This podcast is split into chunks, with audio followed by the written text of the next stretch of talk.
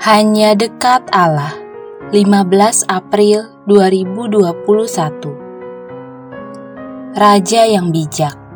Amsal 20 ayat 26 hingga 28 Dalam ayat 26 dinyatakan Raja yang bijak dapat mengenal orang-orang fasik dan menggilas mereka berulang-ulang dalam Alkitab BIMK tertera, Raja yang bijaksana tahu siapa orang yang jahat.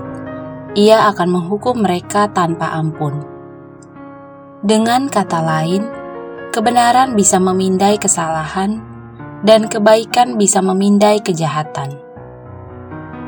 Itu hanya mungkin terjadi ketika raja menggunakan nuraninya.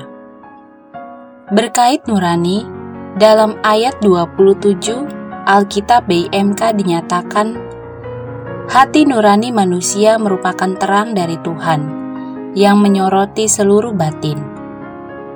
Jelaslah, hati nurani merupakan anugerah Allah, dan itu sudah lebih dari cukup untuk menerangi seluruh batin.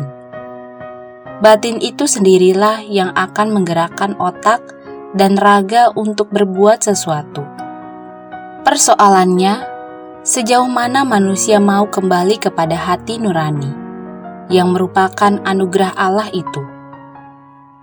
Atau bisa kejadian hati nurani itu sendiri telah tercemar oleh keinginan daging manusia.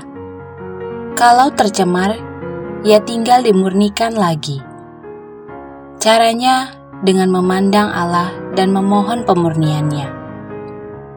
Kisah Daud setelah ditegur Nabi Nathan karena perselingkuhannya dengan Betsyeba merupakan bukti nyata.